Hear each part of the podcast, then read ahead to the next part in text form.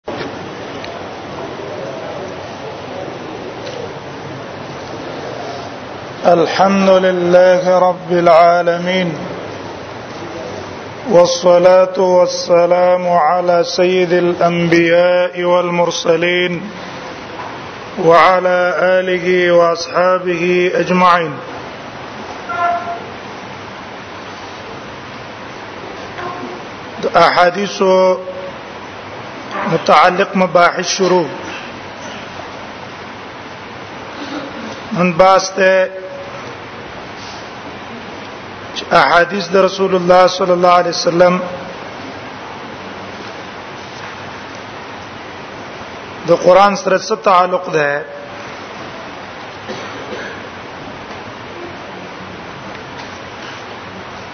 آیا دا د قران تشریح کوي او کنا کله قران د احکام تاکید تاکید کوي د عنوان باس نوم بکیدو منزله السنه من القران من جهه ما ورد فيها من الاحکام د سنتو منزله په نسبت باندې قران ته په دې حیثیت چې په دې کې کوم احکام ذکر شوی دي نو دې څه حیثیت ده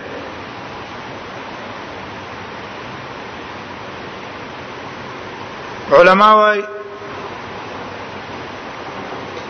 څونه احکام چې په احادیثو کې ذکر شوی دي نو دا غیبا یو څو صورتونو نه بخالی نه اول دا چې دا احکام چې په احادیثو کې کوم ذکر شوی دی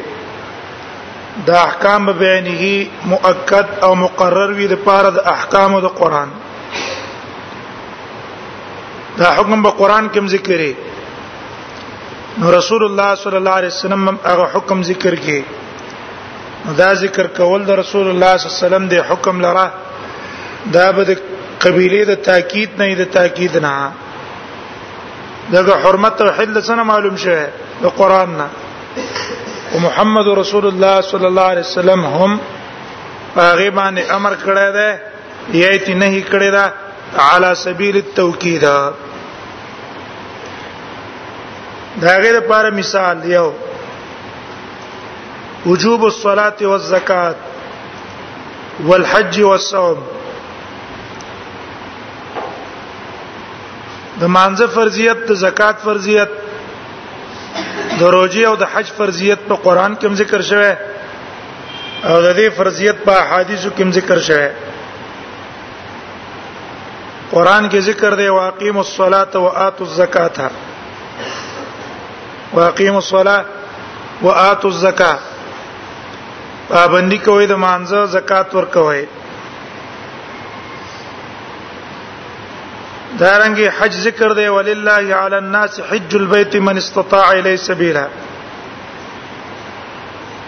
په دې کې حج فرضیت ذکر شو سورته ال عمران کې نو سورته بقره کې فرضیت د روزیم ذکر ده کتب علیکم الصیام کما کتب علی الذین من قبلکم په دې آیاتونو کې فرضیت ته دې امور راغله دا فرضیت نبی صلی الله علیه وسلم هم په حدیث کې بیان کړه بني الاسلام على خمس شهاده ان لا اله الا الله وان محمدا رسول الله واقام الصلاه وايتاء الزكاه والحج وصوم رمضان ودې کوم دا فرضیت ذکر شو نو دا د باب د تاکید نه ده د حدیث باندې مستقل فرضیت ثابت نشو بلکې دا تاکید وکړو دا حکم چې هغه ثابت دی په قران دویم مثال قران کې الله نه حق وجل حرام کړی دی حرمت قتل النفس الا بحق یو انسان وجل په ناحق جایز نه دی دا حرام دی دا حکم الله سورته انعام کې ذکر کړه ولا تقتلوا النفس التي حرم الله الا بالحق ولا تقتلوا النفس التي حرم الله الا بالحق د دې حکم تاکید رسول الله صلی الله علیه وسلم په حدیث کې ذکر کړه چې لا يحل دم امرئ مسلم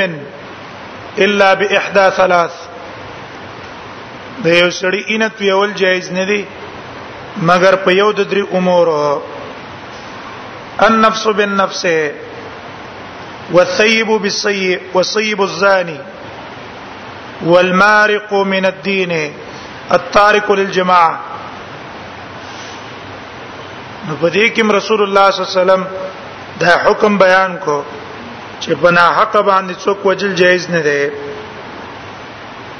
یو صورت څه شو هغه دا چې کوم حکم په قران کې ذکر شوی دی دا حکم به نبی صلی الله علیه وسلم په حدیثو کې ذکر کړی خدا به د قبيله د تاکید نه وي قبيله د تاکید نه وي دویم قسم هغه د ان تکون السنه مبینه للقران یو حکم په قران کې ذکر شوی خو پای کې به تفصیل او وضاحت نه رسول الله صلی الله علیه وسلم برا اولګي په دې احادیثو کې به دا حکم تفصیل کړی بیان به کړی ان تكون السنه مبينه للقران ان تكون السنه مبينه للقران چې دا سنت په قران بیان کړي به قران بیان چې احادیث کوي نو دا په شپږو طریقو ده بیان د سنت احکام د قران لره دا بیان پشپغو انواع او پشپغو طریقو باندې ده اول نوع د بیان تفصيل السنه لمجمل القران تفصيل السنه لمجمل القران قران کې حکم ذکر شوی دی خو هغه په سبیل د اجمال ذکر دی نبی صلی الله علیه وسلم را لګیدل نو په احادیثو کې داغه بیان کړی دی تفصیلی بیان کړی دی د اجمال داغه مثال بیان النبي صلی الله علیه وسلم لعدد رکعات الصلاه وکیفیتها قران کې صرف دی اقیم الصلاه منذ ور کوي منذ کوي عدد درکات نه ذکر شوی کیفیت نمونه ذکر شوی محمد رسول الله صلی الله علیه وسلم مونږ ته په حدیثو کې عدد درکاتم کړه کیفیت هم بیان کړه چې مونږ دا شی ده دویم مثال بیانو مقداره صلی الله علیه وسلم لنصاب الزکات قران کې موږ ته اجمالا حکم شوی دی په ورکولو د زکات چې زکات ورکړي رسول الله صلی الله علیه وسلم را لګیدل د منګ ته تفصیل کړی دی د نصاب چې زکات په تاکله فرض ده چې څونه مقدار ته ورسیږي او کله ودر باندې فرض کیږي او په کوم شینو کې زکات فرض ده په کومو کې فرض نه ده دا کیفیت او مقدار د نصاب موږ تر رسول الله صلی الله علیه وسلم په حدیث کې بیان کړه یا نبی صلی الله علیه وسلم بیان کړه د حج خپل افعال وبفعله الافعال للحج قران کې دی وللناس حج البيت ولله على الناس حج البيت او اتم الحج والعمره لله باقي تفصيل د حج نشتا تفصيل د عمره نشتا حج څنګه وکه عمره په کومه طریقه کې رسول الله صلی الله علیه وسلم د دې بیان موږ ته په خپل فعل باندې کړه عملا دا اولا نوع شوا اولا نوع نو قران کې احکام مجمل ذکر شوی او رسول الله صلی الله علیه وسلم داغه تفصیل مونږ ته کړه دویم قسم چې سنت مبین ده د پاره د قران هغه د تخصیص السنه لعام القران تخصیص السنه لعام القران قران کې حکم ذکر شوی دی خو هغه عام دی عام ده نبی صلی الله علیه وسلم را اولګيږي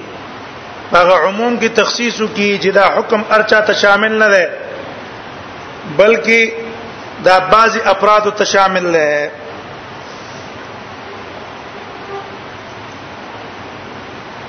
دا احناف علماء په نسبت باندې قران کې چې یو عام حکم ذکر شي نو آیا عام د کتاب الله په احادیث باندې تخصیص جایز دی کنه تخصیص د عام د کتاب الله په احادیث جایز دی کنه دا احناب په نسبانه په یو حالت کې جایز دی په یو حالت کې هغه حالت دا ده چې موږ ته دا پته ولګيږي چې رسول الله صلی الله علیه وسلم چې دا حدیث کله بیان کړی دی نو دای مقارن د آیات سره بیان کړی مقارنه د آیات سره بیان کړی چې کله حکم په قران کې مونږ ته کړی حکم سره مقارن تخصیص هم کړی نو بیا به دا حدیث مخصص ګرځي د پاره د چا دا حدیث به مخصص ګرځي د پاره د عموم د قران او کنا آیات مخکې راغله او رسول الله صلی الله علیه وسلم رستو به تخصیص کړي په خبره واحد نو دا قسم تخصیص د احناف په نسبانه جایز نه ده دا قسم تخصیص د احناف په نسبانه جایز نه ده ولید احناف په نسبانه دا به د قبيله د نسخ نه ګرځي قبيله دا نسخ نه ګرځي مثلا الله حکم عام راوړی او رسول الله صلی الله علیه وسلم تخصیص کړي نو دا تخصیص هم د قبيله د چانه شو د قبيله د نسخ نه شو د نسخ نه ولی عام حکم عام ده او محمد رسول الله صلی الله علیه وسلم د صفراد وباسي دا د قبيله د نسخ نه شو او د احناب په نسبت باندې نسخ په خبره واحده جائز نه ده لکه رسول دا مسله مونږ بیان هو زین ته کوم مسله پرې وته چې احادیث د رسول الله صلی الله علیه وسلم مخصص د عام د پاره وګرځي جمهور علما په هر صورت کې جایز ګڼي لیکن احناف په هغه صورت کې مني چې کله دا حدیث د آیات سره چې رسول الله صلی الله علیه وسلم آیات کله بیانې نو په هغه وخت د بیان کې سره دا حکم څه کړی په حدیث کې اوسه بیان کړی نو په دې صورت کې بل حدیث مخصصي د عموم د قران او کنا آیات مخکې بیان کړی دی روست به رسول الله صلی الله علیه وسلم څو وخت پس حدیث بیان کړی دی او دې حدیث کې هغه تخصیص د عامي بیا به دا حدیث هغه له مخصص نه ګرځي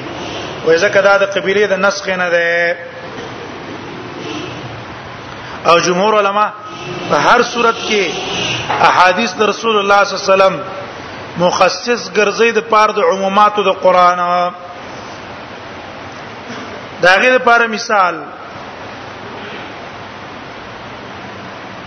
قران کې دي حرمت علیکم المیتۃ والدم حرمت علیکم المیتۃ والدم حرام کړی شوی په تاسو باندې مردار ودم او انا میتاغ حیوان ته ویل کیږي چې کم مرشي یا آلال شي په غیر د ذبح شرعي نه شرعي طریقه باندې آلال نه کو او د شرع نه په خلاف طریقې باندې آلال کو دي ته ویل کیږي میتا ودا میتا حرام ده دا رنګي ودم ان حرام ده دا حکم عام ده شامل ده ټول قسم میتات ہوتا ټول قسم میتات ہوتا هر هغه حیوان کې بحري او کې بري که په وچه باندې ژوندۍ تیرای او که په دریابونو کې ژوندۍ تیرای او چې هغه په خپل مرګ باندې مړ شو هغه مردار دی حرمت علیکم المیتۃ عموم د وجنا دا نه ادنم لفظ عام دی شامل له هر قسم دماء او تا کاغه اینه منجمه دی که غیر منجمه دی منجمه دی غیر منجمه دی د ټولو قسمو ته دا شامل دی لیکن حدیث د رسول الله صلی الله علیه وسلم هغه ول مخصص ده چې روایت ته د عبد الله ابن عمر رضی الله عنه رسول الله صلی الله علیه وسلم وی فرمایلی دي احلت لنا میتتان والدمان و زمنګ د پاره دوه میته حلال کړی شوې دي او الدمان او زمنګ د پاره دوه قسمه ان حلال دي اما المیتتان فهما السمك والجراد وې دوه میته چې زمنګ د پاره دي حلال یو پای کې سمک ده سمک سمک څه ته وایي احناب په نسبت باندې صرف مې جمهور علما په نسبت باندې انشاء الله دا مسله براش سمک ویل کی ما یعيش فی الماء هر هغه شی چې په اوبو کې ژوند تیرې دي ته سمک وای سمک یعيش فی الماء چې په اوبو کې کم شی ژوند تیرې دي ته ویل کی سمک نو داتې مستثنا دي دا که په خپل مرګ باندې مړې شوې غیر د علاوه نه موږ له خړل جایز دي او دمان زدي الکبد او التحال توره ده او جګر ده اینا دا اینا او توره اصل کې اینا ده او منجمه ده شوی ده نو دا د ادم نصدا دا ته خاص شوی ده نو دا حدیث مخصص شو د پاره د عموم ده قران المیتۃ لپ شاملو میتات البحر او میتات البر دوانو ته او رسول الله صلی الله علیه وسلم را اولګې دلو د دریاب ټول حیوانات ته مستثنا کړه خاص کړه او په وچه کې تی جراد ملخ ته مستثنا کړه چې ملخ ته امر کو په غیر د حلاله نه هغه خړل تعالی جایز دي او په اینو کې دوه شینه ته مستثنا کړه الکبد والطحال دا حدیث داغه د پاره مخصص وګرځیدو به که څوک د اعتراض وکي چې دا حدیث موږ څنګه مخصص ګرځاو دا حدیث خو موقوف ته په عبد الله ابن عمر راجح دا چې دا مرفوع نه دی دا قول دی د عبد الله ابن عمر هغه موقوف دی نو قول د صحابي څنګه مخصص د قران منګو ګرځاو جواب دا دی چې دا ان شاء الله دا مسله موږ بیان کو چې کله یو صحابي یو خبره وکي او هغه د قبيله د اجتهاد نه نه هغه په منزله د چا کې په منزله د مرفوع کې نو دا خبرم د کمی قبيله نه ده دا د قبيله د اجتهاد نه نه ده عبد الله ابن عمر به دا خبره د رسول الله صلی الله علیه وسلم اوریدلی نو کوم روایتونو کې موقوف ده دا موقوفم په منزله د مرفوع ده غریبانه عقل نه استعمالېږي ځکه یو شی ته حلال ویل یو شی ته حرام ویل دا د عقل کار نه دی دا حل او حرمت دا د چا کار دی دا د شرعي محمد رسول الله صلی الله علیه وسلم به دا ورېدل دوی مثال دا غي د پاره یوسیکم الله فی اولادکم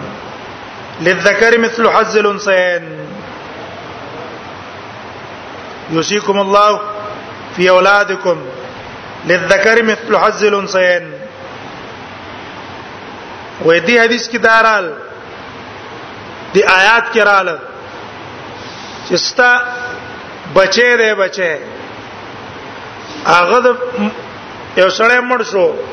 او بچي پاتې شو دی بچی له میراث ورکه نو یوسیکم الله فی اولادکم دا حکم شامل له هر بچی ته سواء کان کافرا او قاتلا او قنن برابر خبره کدا بچي قاتل پلاری ام میراث پور کې کدا غلامی هم میراث په ورکه کدا کافر میراث په ورکه ځکه لفظ د یوسیکم الله فی اولادکم نا فی اولادکم شامل د ټولو بچو ته قاتل تم ولد وای رقیق تم ولد وای او کافر تم ولد وای آیات عام ده احادیث در رسول الله صلی الله علیه وسلم را اولګیدل نو تخصیص پکې وکړلو چې د اولاد نه مراد هغه بچی دي چې غلامان نه دي دویم قاتل نه دي دریم کافر نه دي ولی لا يرث مسلمن عن کافر مسلمان د کافر نه میراث نه وړي او کافر د مسلمان نه میراث نه وړي دارنګ لا يرث قاتل عمدا ولا خطا شيئا من الديه حدیث ده قاتل چې یو تن راولېږي خپل پلار یا ورور یا زوی مړ کی دا به د خپل وارث نه میراث نه وړي برابر خبره کدا قتل عمدن کړه ده او که په خطا باندې کړه که په خطا کړه دا احادیث له څو ګرځیدا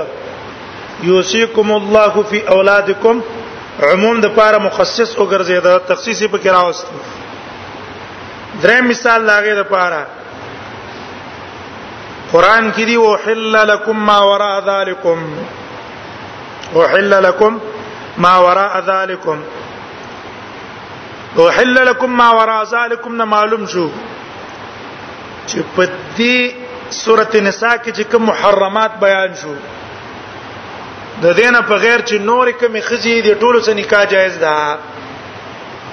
د دې محرماتو نه بغیر چې نور څونه خزي دي دا غسر نکاح جایز ده تر دې چې نکاح د شغار جایز شو نکاح د شغار جایز شو دغه حل لكم ما وراء ذلكم کې داخله شو جمع بین المرأه وعمتها دا جایز شو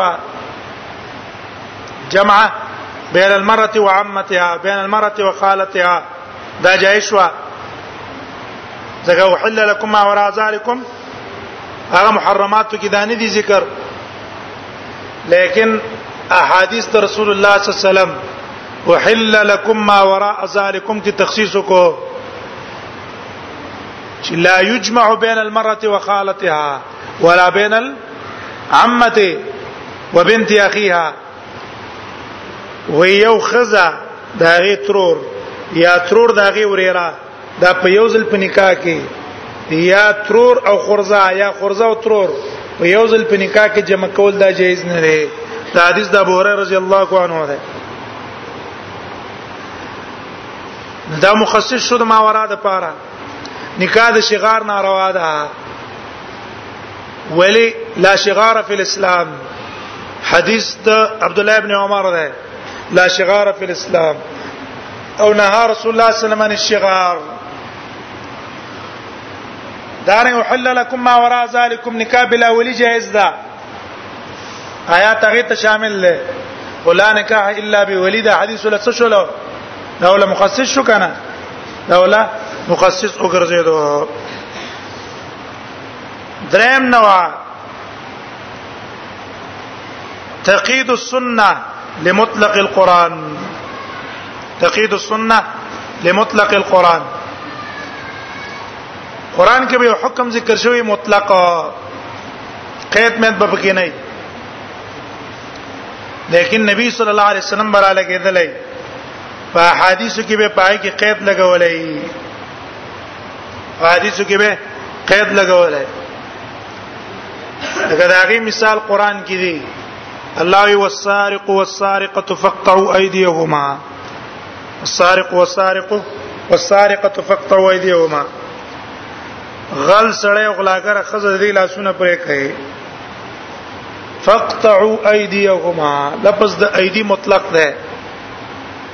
لفظ د ايدي مطلق دی شامل دی د ګوتو د سرون نواله د ګوتو د سرون نواله دا رسیږي تر هغه تخرګونو پورې لیکن رسول الله صلی الله علیه وسلم را اولګې دو د دې تخصیصي په چا باندې وکړو په مفصل باندې ریمړوان تفسیر بچاو کو په مفصل او په مړوند باندې وګوره آیات مطلق مطلق شامل چاته مفصل کپ مرفق دې ټولو ته شاملو رسول الله صلی الله علیه وسلم دا غي بیان وکړو په دې کفه چې لاس پرې کې د غل نو په کمزې کې به پرې کې یو رغي کې به پرې کې نو لفظ د ايد ايدي مطلق رسول الله صلی الله علیه وسلم دا غي تقید کو په رزق باندې مطلق ید مقید کو پر رزق دویم مثال قران کې دی و امهاتکم اللاتي ارضعنکم امهاتکم اللاتي ارضعنکم هغه مین د تاسو چې تاسو لته درکې دا غي سنکان روا ده اوس دا لفظ د ارضعنا مطلق ده مطلق شامل له قلیل کثیر ټول تا شامل له قلیل کثیر ټول تا کلک ته مور کو یو خزه او کډیر ته مور کړو خزه یو ماشوم ته بس هغه مور شو دا غي سن نکاح ناروا ده آیات مطلق ده دیو جن کوم علما چې هغه پر رضاعت کې قلیل او کثیر له اعتبار نه ورکین استدلال په چا باندې کړي عموم د دې آیات او امهاتکم التي ارضعنکم دا د امام بخاری رایم ده د مالکیان هم رایم ده د احناف رایم ده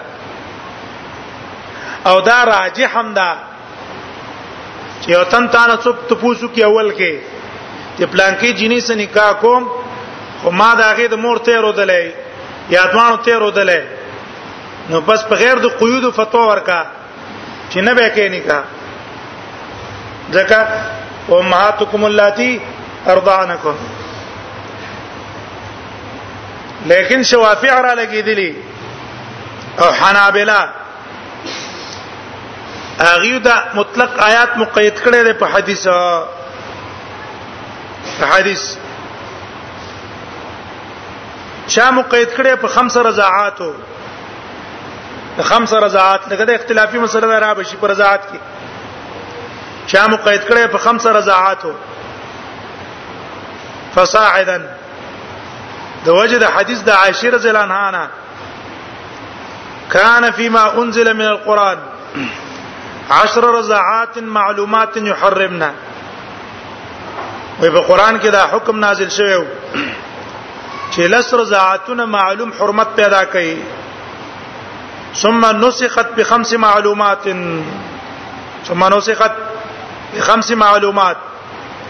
به دا حکم منسوخ شو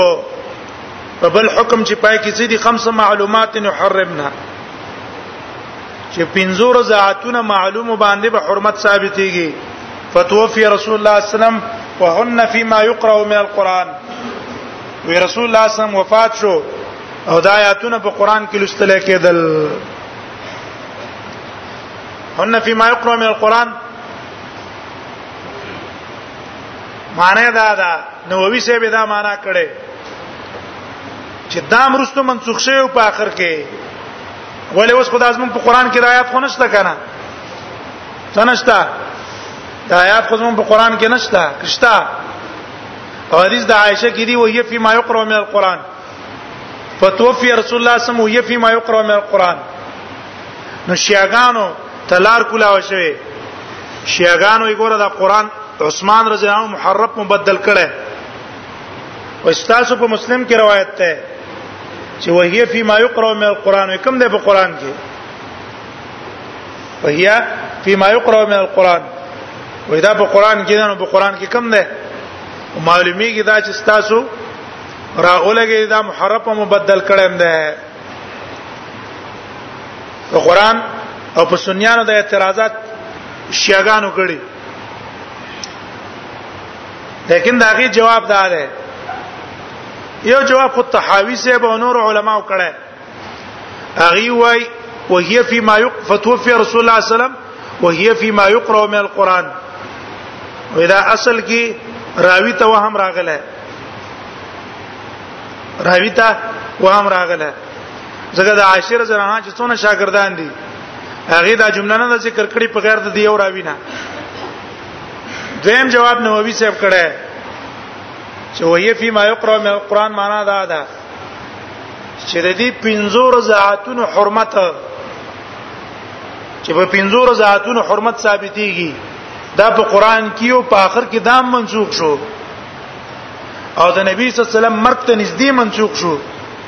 وهي فيما يقرأ من القرآن هغه کسان چې هغه ته نسخه نه ورسېدلې دا پوښیوي نو چې نه دا منسوخ شوی دی هغه به لستلو په قران کې په دې ګمان چې دا د قران آیات ده رستو ته پته ولګی دا چې دا خو منسوخ شوی دی نو هغه پرې قستو دا مطلب ده دا خدای حدیث معنا مونږ وکړه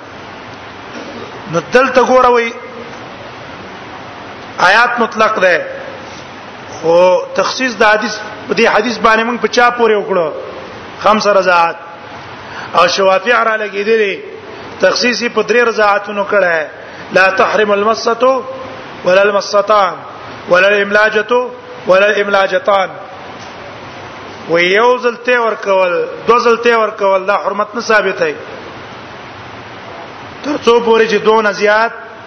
نه راغلي دونه زیات راشي پس دا غنه به حرمت ثابتيږي دا علما را اولګېدل دا احادیث مقید ګرځول د چا د پاره دغه مطلق د کتاب الله د پاره دریم سورته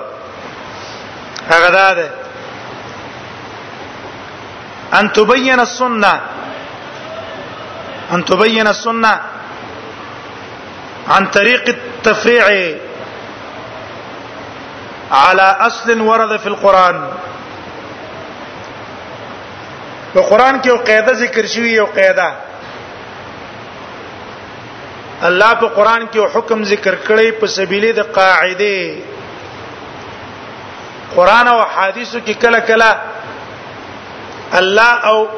رسول الله صلی الله علیه وسلم مونږ ته حکم بیان کړي علی سبیل القاعده علی سبیل الاصل د دې اصل لاندې به افرادی افراد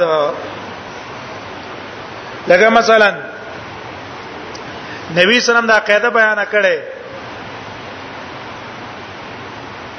چې هر هغه حیوان نهى رسول الله صلى الله عليه وسلم عن, عن كل ذي ناب من السبع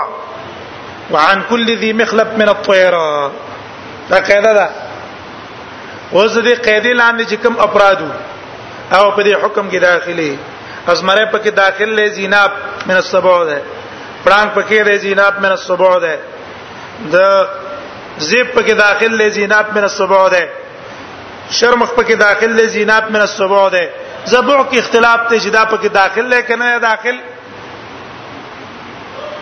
اختلافي مسله ده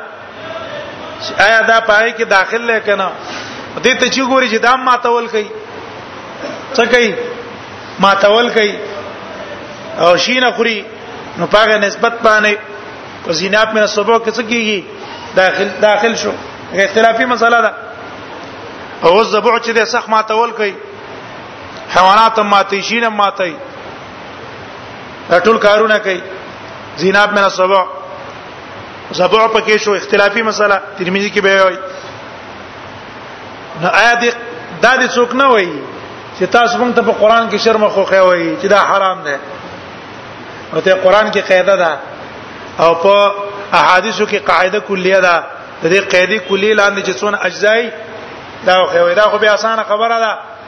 قران کې دی السارق والسارقه فقطوا ايديهما لا سول پرې کوي یو غلب وي تزمانون پکې خو واجب قران کې کوم ذکر ویلي چې پلان کې لاس پرې کوي زمانون ته ماته په قران کې وخوا ماته په حدیث کې وخوا نه دا قاعده کلیه ده د قاعده کلیه کې در چانوم ده مګر هغه چې شریعت استثناء کړی او هغه استثناء پکې موجود دی نو دا قصې قران کې مې قاعده ذکر شي نو رسول الله صلی الله علیه وسلم براله کېدلې په حدیثو کې به په قاعده باندې تفریعات کړي په حدیثو کې به په قاعده باندې تفریعات کړي دا غیر لپاره مثال قران کې الله قاعده ذکر کړي چې د مسلمان مال په ناروا طریقو نه خوري ولا تاکلوا اموالکم بینکم بالباطل ولا تاكلوا اموالكم بينكم بالباطل وتدلوا بها الى الحكام تاسو مالونه په ناروا طریقو به خپل منځ کې دیو بل نه خورای سوره بقره کې دا قاعده ده دویمه قاعده الله سوره نساء کې بیان کړه یا ایو الذین آمنو لا تاکلوا اموالکم بینکم بالباطل ایمان والاو مالونه بخپل منځ کې په نارواو طریقو باندې نه خورای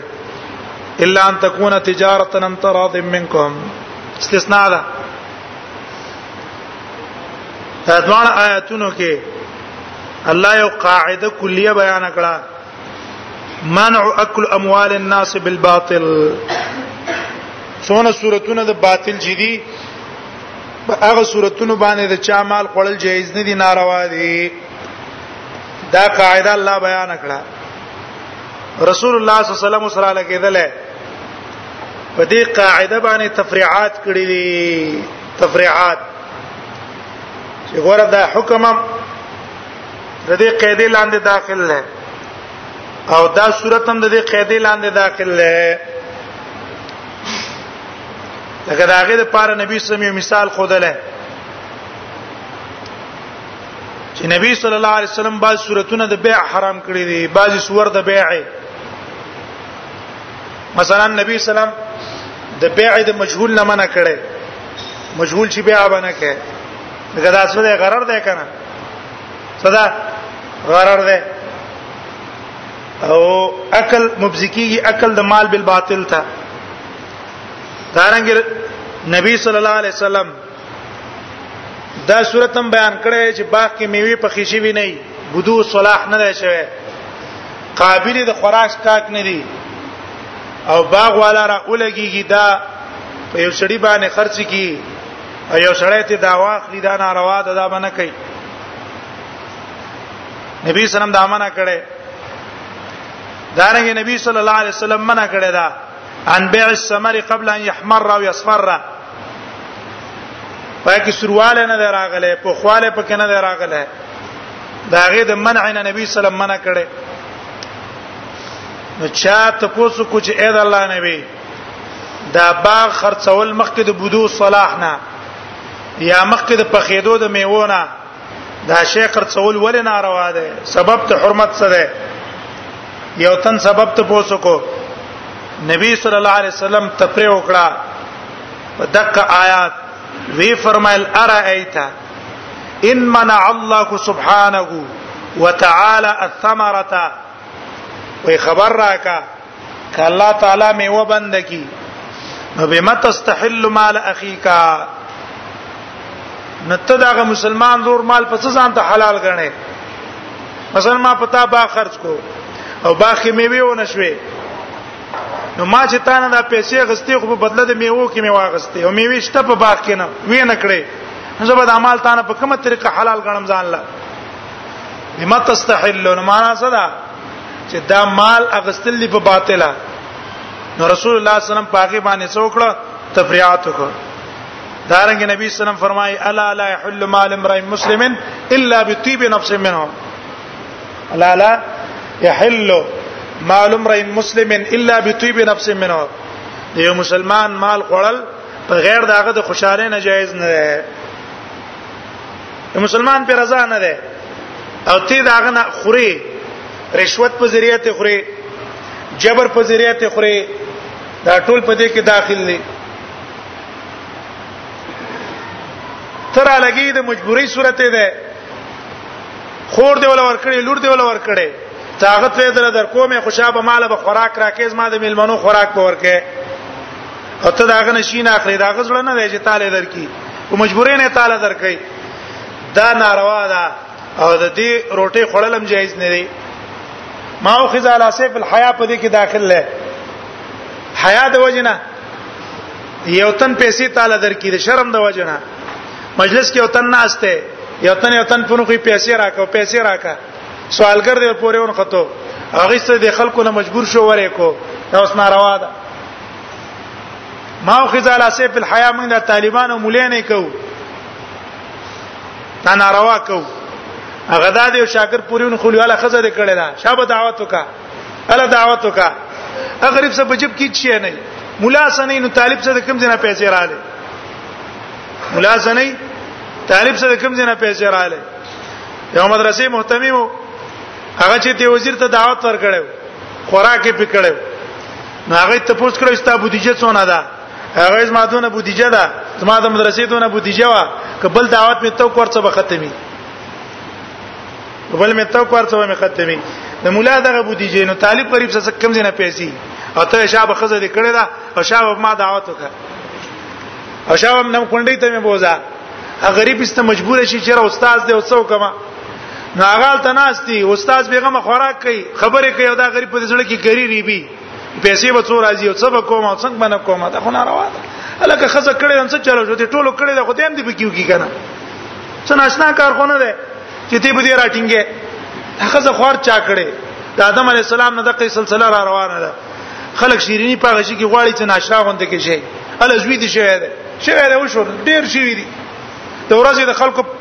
په لکاو ځامن کیږي ددم په کې شو څه چلو شو د خپل مرزې نه یو شی په خوشاله را ټیک ده او ته به څنګه کې ته به تنګې نه دا خو ځان کوم پیدا کوي دا غلط خوې ده د زړی پورې نه خلې علا شابه خوراک راوړو خجيري راوړو پلانکې راوړو دا ناروا ده په خپل مزاج او په خوشحالي تا ته سره ویلې نه دي او هغه تعالی راوړي دا ته قبول کړه وست کیږي د بدله ورکول بدله ولا په ورکا که وست د بدله نه کیږي دعا او توکا نبی صلی الله علیه وسلم فرمای چا چې تاسو سره خو کړو فکافیو بدله ولا ورکای که بدله ولا نشي ورکول دعا او توکای دونه دعا او توکای چې ستاسو یقین راشي چې ما د بدله خلاصه کا دا خو به کوي دا خو ځان کې مکه خلکو باندې شي نه والا کوي یا یو تند نه تاسو کې د پلانکې مسله څنګه ده بس ته ته جواب ورکې نو خلک چاته وی کنه یاره ما ته څه خدمت راته وی و دلته نه څه پکاري هغه ستو کو ته د سیمه چې پلان کې پلان کې شي راوړه نه هغه ستو کو بس ته الله تعالی جر درکې هغه د خپل مرزي باندې شي راوړه راکړه او کني ته به مطالبه نه کېده اموال بالباطل کې داخل نه غلط خو نه دي چا پورې نه قتل را دعوت وکول شیرینی راوړه پلان کې شي راوړه ته طالبان یو بل سکه نه ناروا خپل مرزي باندې او تن دعوت وکړي راخه ده که کولم سمجاوي کا او ته جذبه کې مرزه جذبه کې مرزه خزه د کړي ډېر د کړي دا غټ کارونه در پغاړه دي جذبه کې مرزه ته پیسې ځان څو ساته سبا به مجبورې او که خامخا دعوت کې گزارې والا وکا نصیحت توکا او که بیا ماغه وې چې نه د زړه مرزي مې ده ته گزارې والا شی وکا جذبه کې څوک مرا والا چې ته راشه بس دا موقع ده او څو کوئی بوست لاندې کړ ټیک ته بوست به لاندې کې الله خو دې نه کنه الله نه خپټ نه پاتې کېږي ډېر کسان دي چې یو تن تور شي یاره وسلته جمعهتون دي ولته ایتمانان دي ولته فلان دي هغه راولګي دي جب نه پیسې ورکی دی بل ته سنت مې کړو هغه دي سنت کړه نه دي ځان دي سنت کو هغه پیسې ورکړي پنيت د جنت هغه پیسې ورکړي په څه باندې په نیت د جنت هغه الله په دې باندې اجر او ثواب ورکړي حدیث کې دی یو تن صدقه ورکړه د شپې پټه ورکړه غل سره وخته خلکو ویل تصدق الليله على سارق بیګا چې اغله صدقه ورکړي سړی پوي شو وی الحمدلله على سارق زما خو اراده نه خو بزد الله حمد ده به د شپې وستا بدکاری خزل ورکړه پیجندل نه بدکار او غیله ورکړه خلکو یې لکه پلان کې بدکار له چا بیګا صدقه ورکړي دی الحمدلله الله زما خو ستاره زه اراده وا الله نبی ته چې دا ټول صدقه الله ست قبول کړي وته وا دا خو الله قبول کړي استاد څه حال شو ځان له جهنم په تیار کو دا تبعی ده کنه دا یو تن په پیسو ځان له جنت جوړي او ته پر لګي ځان له پڅ کې ځان له جهنم جوړه دا دوکي کې ډېر طالبان او مليان دا دوکي کوي راشه دي سینه پیسې په کومه طریقه واخلم نقد پیسې خو ته نشم اغسته هغه ته یې یو پلانکې مسله راغله ده پلانکې مسله او بس پلانکې کتاب کې دا دا کتاب ما سره نشته بس هغه له ترغیبات ورکوي په څو ده یاره راځه چې هلته ځو مکتبه والا ته دا کتاب ته حساب کوي یاره 15000 شپږ روپۍ باندې ده داغه نه 15000 روپۍ والی به ته سړی د سرسخت کې په مکتبه والا باندې خرج کی دا کوره څونه مجرم انسان ده څونه ظالم انسان ده دا بل غړ ظالم شته اگر لګيږي دا پیسې دې د پاره ورکی چې ما د دین کې خدمت مې وکړای شي او مال الله اجر راکړي او دې را اولګې د پدې په وجه باندې کتابونه د دوکو واغسو په بازار کې خرج کړي پیسو د پاره دا سړی به همیشه سوالګری سوالګر سپینګره بشي سپینګره د قبر په غاړه بولاړي سوالګر وي په چاندې غونډه و سوالونه کوا کله یو طریقه او کله بل طریقه دا تجربه وکړ ډیر کسان منګه خپې جنو اسوالګر دي راشي جمعات کې کله د مدرسې د غزان نه جوړ کی بلانکیزي کې مدرسه ده چې هغه و چلیدله بیا ځان بیمار کی شي خزه مې نه جوړه د پلانکیزي کې پلیټ نیولې پلانکیزي کې نیولې چاندې واچوا ټول عمر په دې کې لګیدلې و مې استعفف يعفه الله ځان کې استحباب مې عادت پاده پیدا کا جمعدار الله پیسې ورکی چوړي لور کې تعالی نشي درکواله چوړي عیسی دی عیسی عقیده د کفر ده الله دشمن ده د الله سره عبادت او طاعت نه کوي اغل الله رزق ور کوي ته له رزق نشي درکوله ته به الله دین ته د ځان اوسګار کړي خدمت ته به ځان اوسګار کړي او دعوت اراده به دي او الله طرف ته به تر بلل کې او طالب حلال رزق نه درکې د عزت رزق بنه درکې او چې څنګه دي شروع کښې معاملې صلی الله کوي څنګه دي شروع کړه اقا سي معاملې به صلی الله کوي دیو نه په سوال په دوکو په دې باندې به شروع نه کوي که شروع موکړه تر اخره پورې وسم دقه سي او دې وخت کې اوس مسله ده چې دا لکه روایت کې راځي ک یو سړی د الله نه پرمانی په یو ګټه د داغي په منځ کې او کې چې داغي سره تاخچنې لیسل حق ووا پکې سره سوري هم نشتا او التر د الله نه فرمانی وکړه هغه هم الله را کار کوي او التر طاعت کو هغه طاعت هم د الله را کار کوي طاعت هم د الله را کار کوي نیکی دی کوله دیندارو یو وخت به خلک هاګو کی رستو به خلکو ته پته ولګي جره دا کوم بد کړی دی دا ډیر نیک سړی او دا ډیر دیندار سړی او موږ ډیر خوشی کار کړی او که غلط نیتونه لري کول هغه خلکو ته رستو را کار شي جره دا ډیر خوشی سړی دی موږ به خو ګمان کو چې دا ښه سړی دا خراب سړی دی نو بیا به الله را کار کوي نو دیو جن عقل اموال الناس بالباطل بنه کوي زين تم خبره پرې وته چې د ټولو کې وزن راواله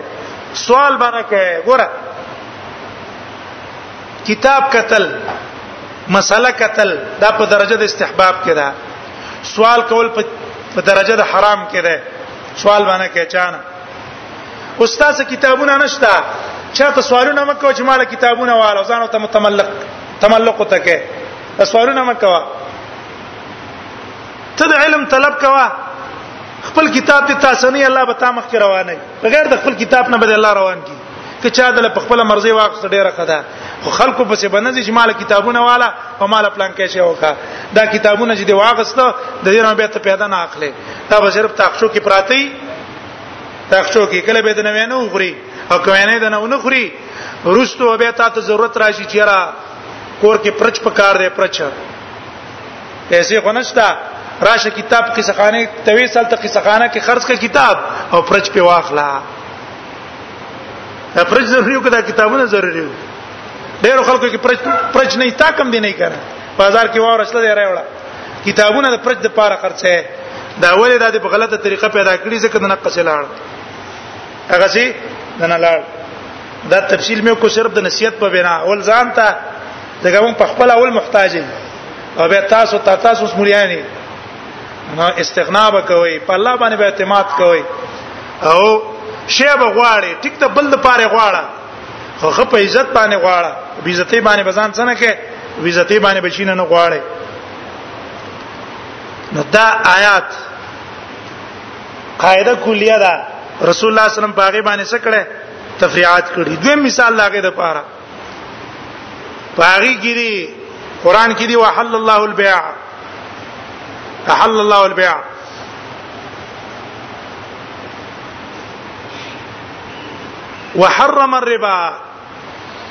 بيع الله حلال کړی دا وحرم الربا او سود حرام کړی دی اوس دا قاعده کلیه ده قاعده کلیه د عربو په وخت کې د سود یو صورتو هغه داو ربت دین به او تل ربت دین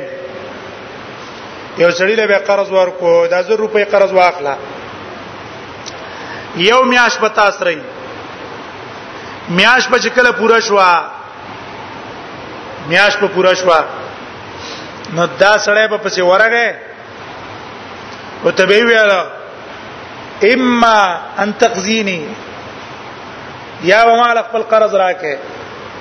او که قرض درانه کو د دین ورستو پرې دی به براله سود راکې سود براکه وس چې د دې زر روپو نه زیات 200 روپۍ واغسته زیاتی یا 100 روپۍ واغسته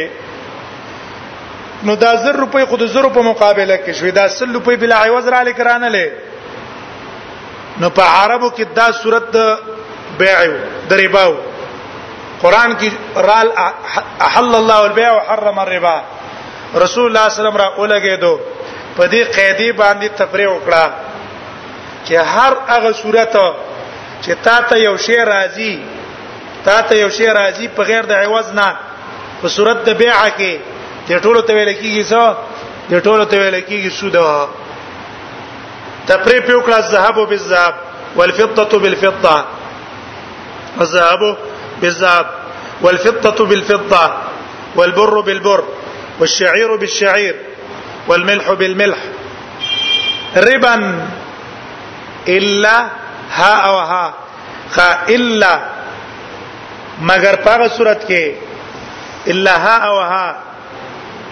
لاس پلاسي او دویم شرط پکې څه ده متساوي سواء بسوا یدم بیدن سواء بسوا په لاس بدل غنم درکم غنم بدنواله او زما غنم بستا د غنم سره مساوي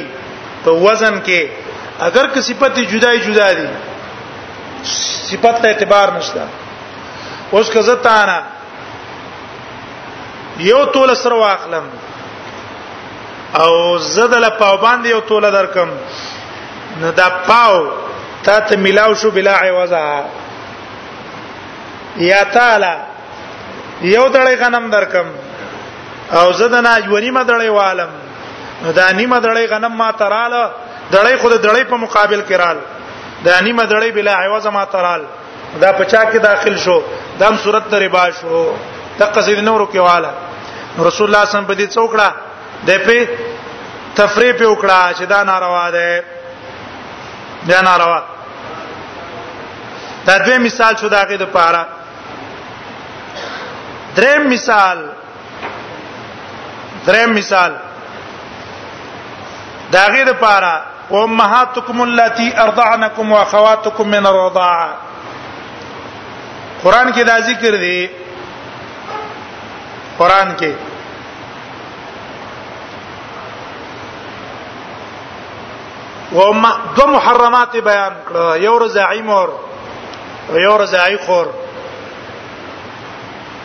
دې بیان کړي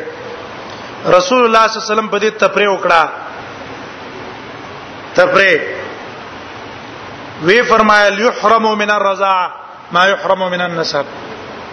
يحرم من الرضاعه ما يحرم من النسب په نسب کې چې د کوم خور سره نکاح ناروا ده خور ریرا خورزه ترور مور نیا دقص رضاعي خويندو چې هر قسم خور وا دارنګ ترور وریرا لور رضاعي د ټولو سن کان روا ده رسول الله صلی الله علیه وسلم هغه باندې تپره وکړه پنځمه نوعه توضیح السنه لمشکل القرآن قرآن کې حکم بیان شوی خو هغه مشکلی مشکله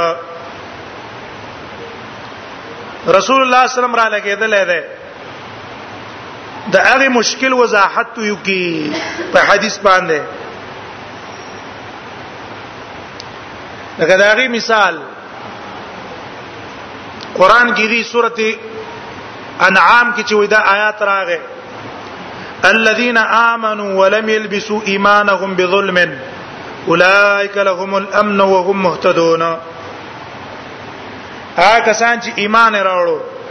ولم يلبسوا ایمانهم بظلم او خپل ایمان د ظلم څخه ګډ نه کړو اولئک لهم الامن وهم مهتدون دیو کسان د پاره به امني او هم مهتدون او دیو په سم لاري حدیث کې راځي چې دا آیات راغې دا په صحابه باندې مشکل ولګېدو مشکل ولی صحابه لپس د ظلم دا عام واغستو هر ګناه ته شامل کو نو ویل اې د الله نبی الله خو دې آیات کې وی چې امن د هغه چا د پاره دی چې د ایمان سره یو ګناه ونکړه او په من کې کم یو تن دی چې هغه ګناه نه کوي او اینا لم یظلم کم دی من په من کې چې هغه ظلم نه کوي رسول الله صلی الله علیه وسلم فرمایله چې دا ظلم نه کم ظلم مراد ده د دې ظلم نه مراد هغه شرک دی شرک وی الم تسمعوا ما قال لقمان لابنه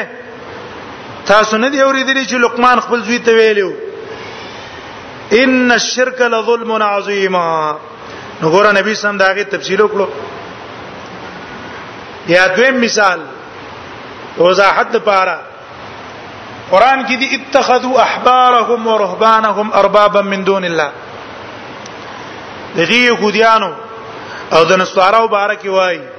چې دی خپل مليان او پیران نه ارباب جوړ کړیو ارباب خدایانه او تویل سوا د الله نه عدی ابن حاتم تویل اې د الله نبی په اسلام کې چې داخل شو نبی سلام تویل چې اې د الله نبی دی خو د خپل مليانو ته او خپل پیرانو ته ارباب خو نه ویل او نه ولا درجه د ربوبیت ور کړی دا نبی صلی الله علیه وسلم تو فرمایله چې ګوره د رب دغه معنا نه ده د رب معنا دا ده چې اذا احلوا لهم اذا احلوا لهم ور عادي سویل عادي دي سویل چې اې د الله نبی انهم لم يكونوا يعبدونهم نبی صلی الله علیه وسلم اما انهم لم يكونوا يعبدونهم دیو دغه عبادت خو نه کو ولكنهم كانوا اذا حلوا لهم شيئا چې دی پیرانو مولانو به شي ته حلال ویلو نو استحلوه دی به هغه ته حلال ویلو بغیر د دلیل نه او بغیر د نظر نه حکم شرعي ته واذا حرموا عليكم شيئا حرموه او چې دی مولانو به شي ته حرام ویلو دی باغه ته حرام ویلو لکه دا خصلت او خيوس په اکثر مقلدینو کې موجود ده اکثر مقلدینو او خاص کر د احناف مقلدین نه دي احناف دې دا بیان نه جواب ورکانا یو رکعت تر نشتا یو رکعت وتر نشتا حرام ده حال ده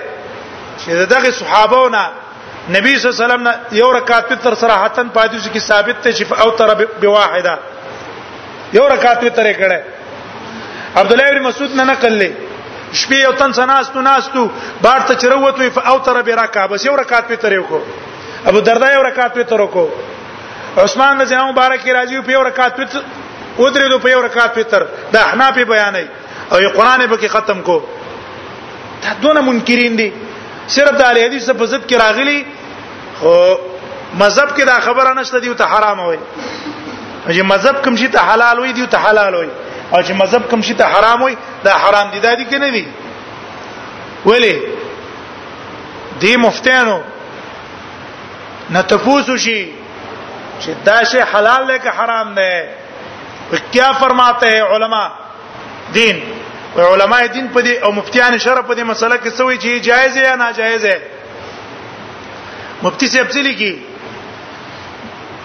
مفتی صاحب لیکي الجواب باسم ملهم الثواب الجواب باسم ملهم الثواب یہ کام جائز ہے دا کار جایز ده ولی جایز ده کذا ويجوز کذا وکذا کذا فی الترخانیه دور مختار دا جایز ده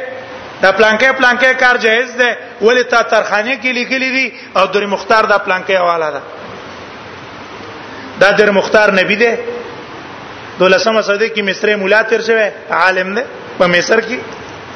دولسمه صدې کې تر شوه تا تارخانی پتن لګي تا تارخانی زمانه کې تر شوه څوک دی داغه پشي باندې حل حرمت وایا اتخذوا احبارهم ورهبانهم چې دا معنا نه نسوک ده دلیل شریف وګوره بلکې پابندی ده اوس وخت کې چې څونه دا مفتیان فتوی کوي کنه مفتیان احناف په کتاب مدرسو کې چې دا کم افتاګانی شروع کړي نو د دې یو غرض دا ده چې را داخلك منګه د اهل حدیث نه په کومه طریقه باندې واړو دا کورسونه شروع کړی د ابتا ابتا دا کورسونه شروع کړی نو د ابتا په کورسونو کې سي هغه کې ته اصول دا وای چې کلم تاسو ته مسله رااله نو قران او حديث په فتوا کې نه لیکي قران او حديث په فتوا کې نه لیکي ځکه موږ مقلدین او مقلد ته پاره قران او حديث تلکل نشتا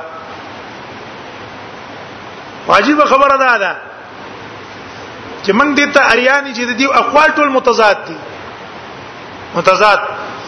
التلکی و اجتهاد پنځوره په امام محمد اجتهاد په امام محمد بند ہے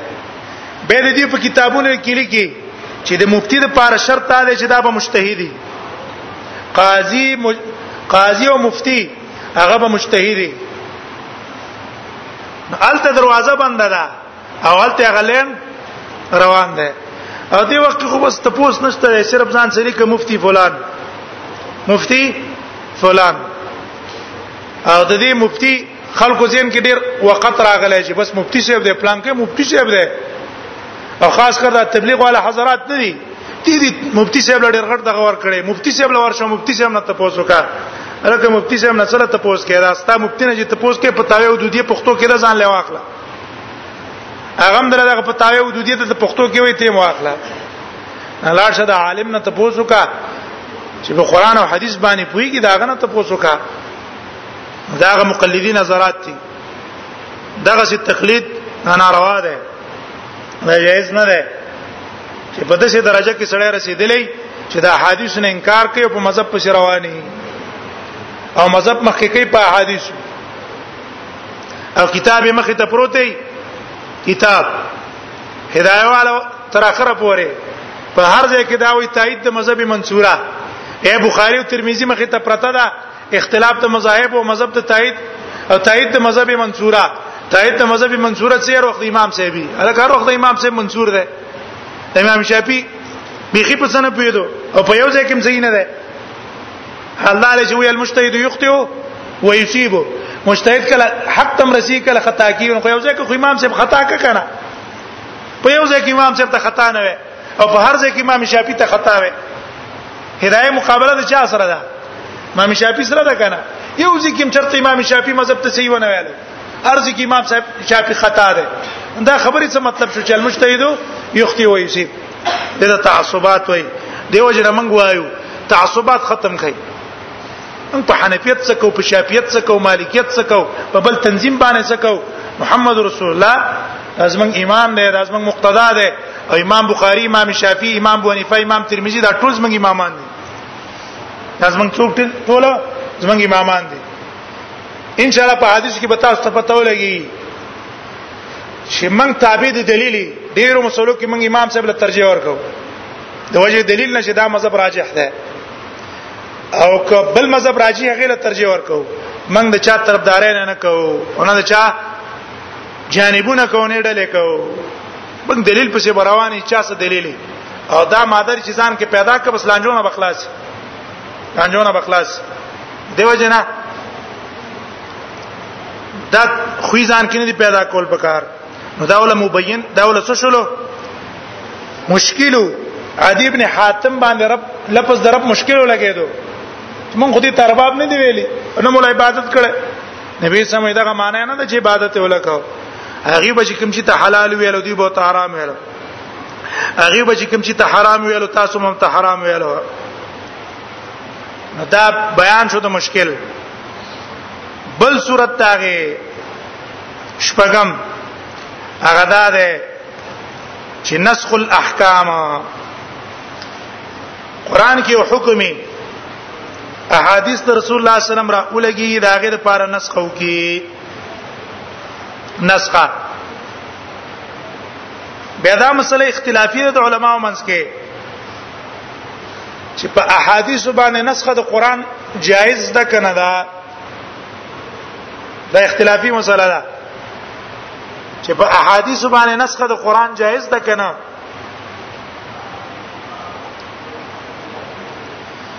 یو قول له د احناف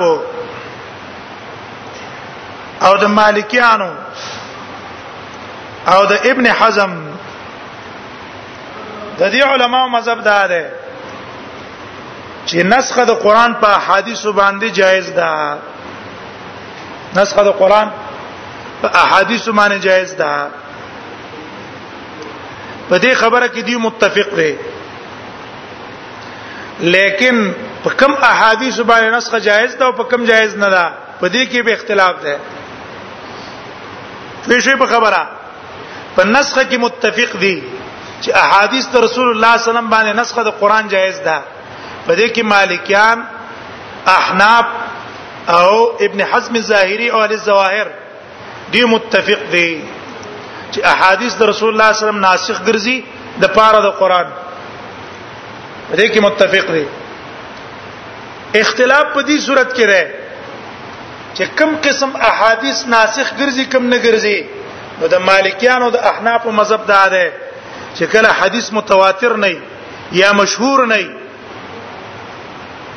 نو په خبره واحد باندې نسخه جایز نه ده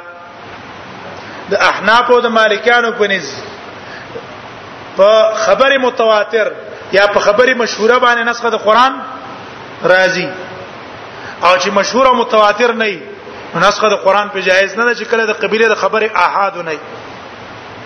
او د ابن حزم ظاهری په نسبت باندې نسخه د قران په خبره واحد هم جایز ده خبره واحد باندې نسخه د قران جایز ده چې کله دا ثابت شي چې دا حدیث ته نو په دې خو پوي شي چې دې په دې کې متفق دي چې نسخه د قران په حدیث جایز خو صرف په کم احادیث جایز ده په کم نه ده په کې اختلاف دویم مذهب د شوافع ده شوافع وای وې نسخه د قران په سنتو جایز نه ده نسخه د قران په سنت جایز نه ده اگر که خبره متواتری اگر که خبره مشهوری اگر که خبره احادی په دې باندې نسخه جایز نه ده داغه د پر دلیل دا ده هغه وی ګورا سنت په مرتبه کې د قران نخکته ده سنت په مرتبه کې د قران نخکته ده او ناسخ کې دا شرط ده چې دا به مساوي د منسوخ څخه په مرتبه کې یا به سره مساوي یا به توچتی وای شوي وای سنت په مرتبه کې د قران نخکته ده او لابد لابد فی الناسخ په ناسخ کې لابد ده نه چې دا به مساوي د قران سره په مرتبه کې او یا با نا منسوخ سره په مرتبه کې مساوي او یا به افضلی او احادیث خو تخکته دي لہذا شوافع وای چې کله د قران او د حدیث په منځ کې تعارض راغی د قران او د حدیث په منځ کې تعارض راغی نو موږ به په دې وخت کې څه کوو نو په دې وخت کې به موږ اولنی قول ولا قوي چې کله تعارض راغی نو دا حدیث د رسول الله به ناسخ دي چا لپاره د قران لپاره ولی محمد رسول الله مبین ده مبین ده د قران هغه موږ ته بیان کړی ده او دا بیان ده دلیل ده په دې خبره چې دا حکم منسوخ شوی ده دا قول شو د دیو او شوافع وای چې کله تعارض راغی په مابین د قران او حدیث کې نو د څلور خبرو نه به خالی واله نه اول یاد ده چې دا کم آیات د حدیث ته معارض راغله کوم آیات د حدیث سره معارض راغله نو کې دې شي د آیات په منسوخ شوی په بل آیات دې لپاره به ناسخي خو بل آیات به ناسخي ولا په هغه آیات په دا منسوخ شوی او رسول رسول الله صلی الله علیه وسلم په حدیث کې د هغه نسخ نه بعد دا غي د منسوخېدل نه بعد پر رسول الله صلی الله علیه وسلم دا غي په خلاف حکم کړي یو خبره بدای دویم احتمال بدای ان تكون السنه منسوخه چې دا سنت په منسوخ شوی دا سنت په منسوخ شوی دریم احتمال بدای ان يكون الحديث ضعيفا لا يحتج به کله شي دا کوم حدیث چې معارض راغلی د قران سره دا حدیث به ضعیف په دې باندې به استدلال نیول صحیح نه وي ان يكون الحديث ضعيفا لا يصح الاحتجاج به یا لا يحتج به دا حدیث ضعیف ته دلیل پنی ولا کېدای نشي که صحیح حدیث وي د قران سره معارض نه وي ځکه محمد رسول الله صلی الله علیه وسلم مبین ده د قران سلورم غدا ده ان يكون وجه الاستدلال في الايه او الحديث ضعيفا حدیث هم صحیح ده آیات هم صحیح ده خو چې دا کوم حکم د آیات او د حدیث ته موږ راويستو چې د یو بل سره معارض وګرځاو نو دا طریقه د استنباط بس منګه ضعیفه وي شوي پکې نه آیات چې معنا منګه وکړه او د حدیث معنا وکړه او دا دواړه معنی دیو بس رسکړلې معارض کړي دا طریقه د استدلال بس منګه ضعیف په ځکه په ټکراو راوستو طریقه د استدلال وا زمنګ زوی په ځکه په څوک لولو تکراوم پیراوستو کې دې شي د حدیث په بل معنی او موږ به غلطه معنا غستلې ځکه هم د قران سره معارض ګرځولې د حدیث چې بل معنا وکړو نو تعارض به شي په خپل به ختم شي نو دې څلورو خبرو نه بچنې لا بودی باندې په خوشوي کنه کله چې تعارض راغی په مابین د حدیث او په مابین د قران کې او موږ تطبیق نشو کولای نو دې څلور خبرو کې به خامخې خبره کوي دا مذهب د چا شو د شوافع اولنی علما دي قصو ته ضرورت نه وي هغه تطبیق وکړي که تطبیق نه شي کولای دا حدیث څو ګرځوا ناسخ کچرته د اول قول مطابق د مالکیانو شوافی او د مالکیانو د احناف د قول مطابق که حدیث مشهور متواتر ناسخ وګرځوا او ابن حزم یې اگر که خبره واحده ناسخ ولوګرځوا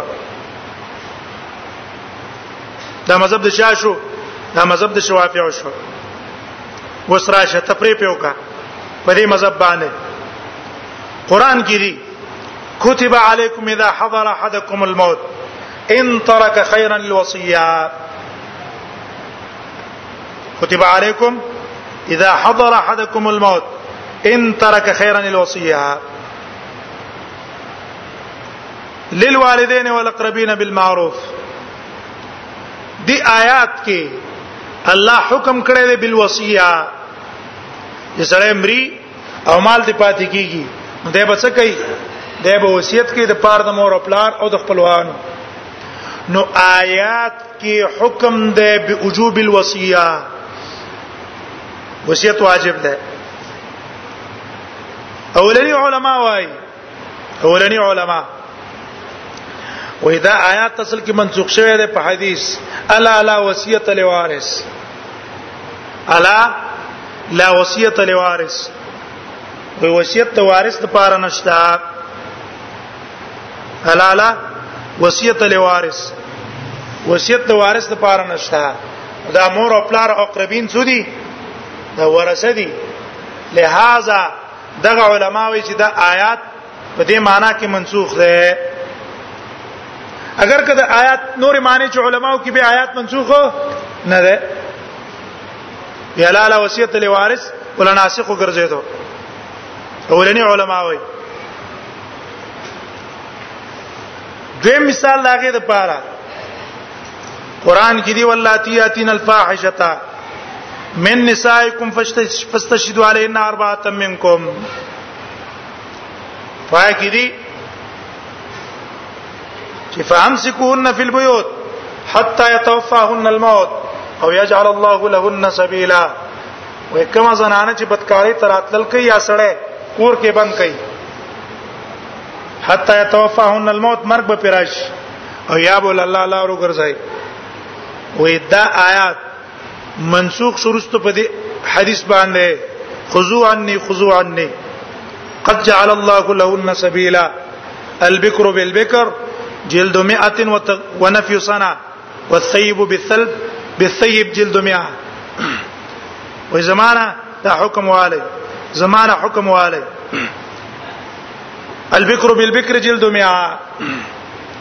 احناف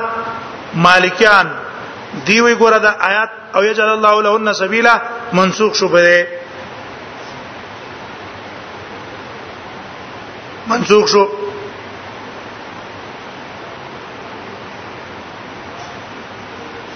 لیکن په دې کې درې مثال والا به پیراګرځو درې مثال لاګه د پاره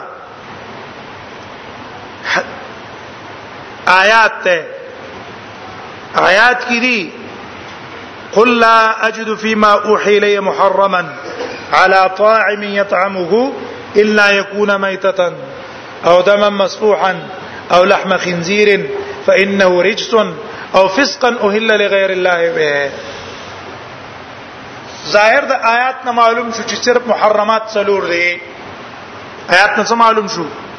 چې محرمات څلور دي او د دې څلورو نه په غیر نور ټول شي نه څه دي دا حلال دي حلال دا ته معلوم شو رسول الله صلی الله علیه وسلم را اولګېدو را اولګېدو په دې حدیث باندې چې نه رسول الله صلی الله علیه وسلم کل ذی ناب من السباع وکل ذی مخلب من الطير بیان وکړو چې دې محرمات نه نور هم محرمات شته کل ذی ناب من السباع چې په داړه باندې ماتول کې او درندای او کل ذی مخلب من الطير چې په پنج باندې ماتول کې ذی مخلب من الطير دا سره دا حرام ده نو دا ناسخ شو د احناف وای چې دا ناسخ شو د چا لپاره دغه آیات لپاره ولې ظاهر آیات کې دي چې دا څلور حرام دي رسول الله صلی الله علیه وسلم راولګي د جنا دام حرام دي لیکن که یو سړی صحیح نظرو کې غنا نو صحیح دا ده چې دې کې نسخه نسخه نشتا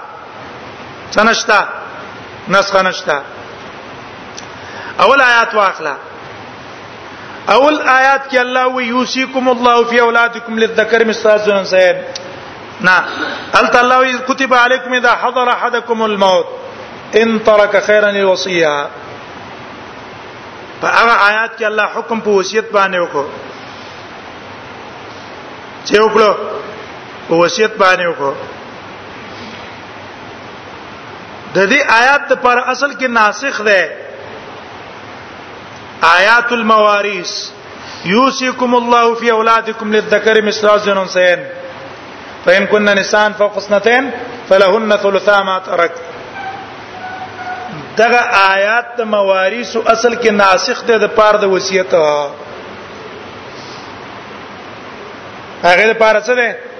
ولی هغه دا اول آیات کې ویل چې وصیت تر باندې فرض ده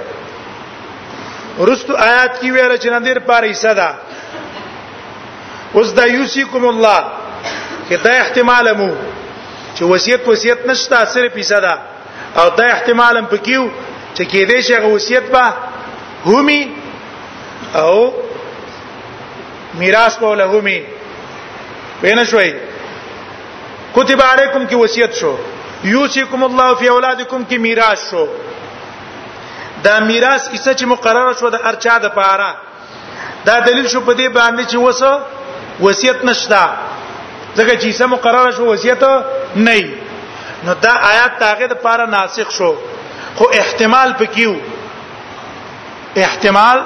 پکیو چې کې دې شي هغه وصیت به وسم جایزي احتمال پکیو نو رسول الله صلی الله علیه وسلم الا لا وصیت لوارث را بیان او کو د پاره د نفي دغه احتمال پینې شوي پینې شوي به کتب علیکم اذا حضرک وصیت ته یوسیکم الله فی اولادکم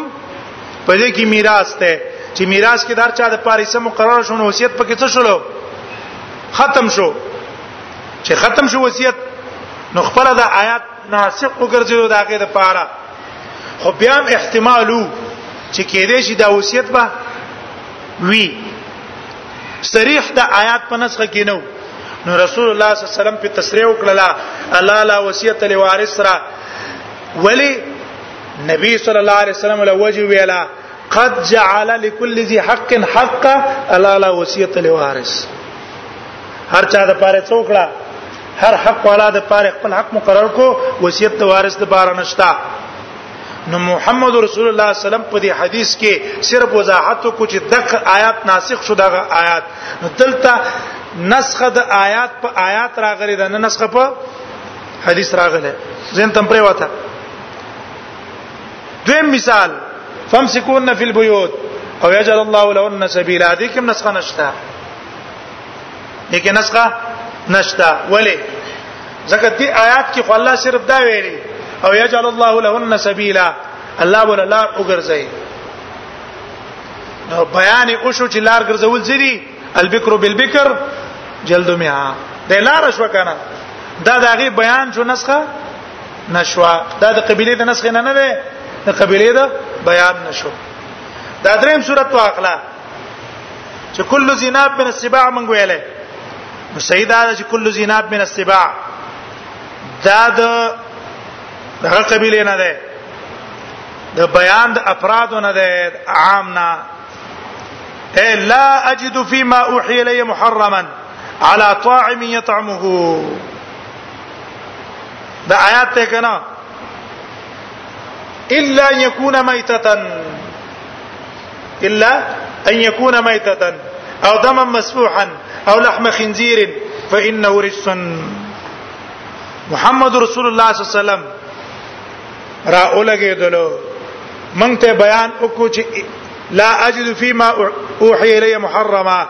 دا قصر چې کم دی دا قصر دی په بعضي افرادو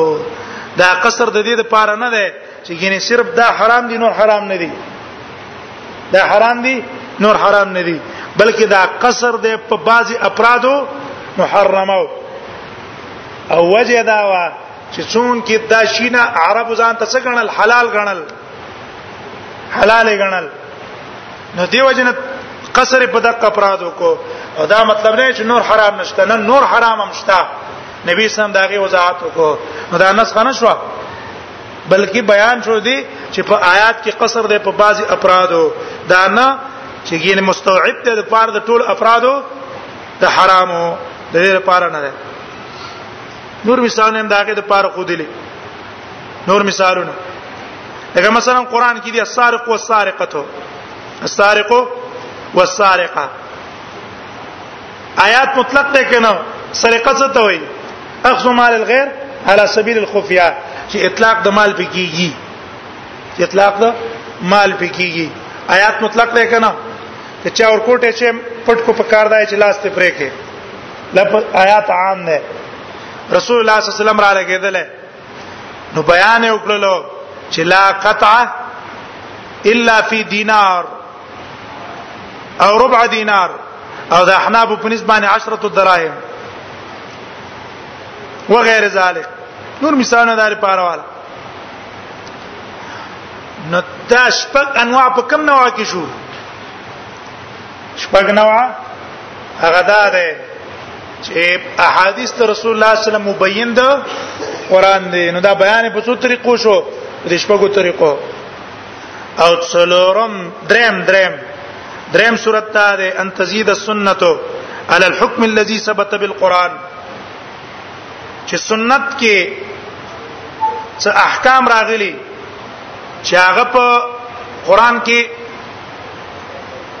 نه او محمد رسول الله صلی الله علیه وسلم هغه ته حلال او حرام ویلي هغه ته څه ویلي حلال او حرام یې ته ویلي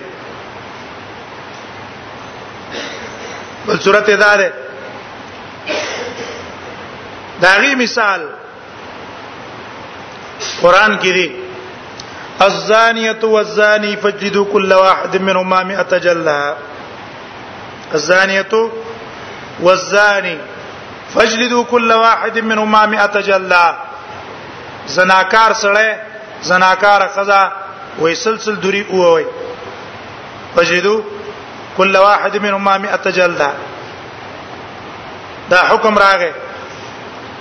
اوس رسول الله صلی الله علیه وسلم را اولګېدو پاغه باندې بیان وکړو د زیتی هغه دا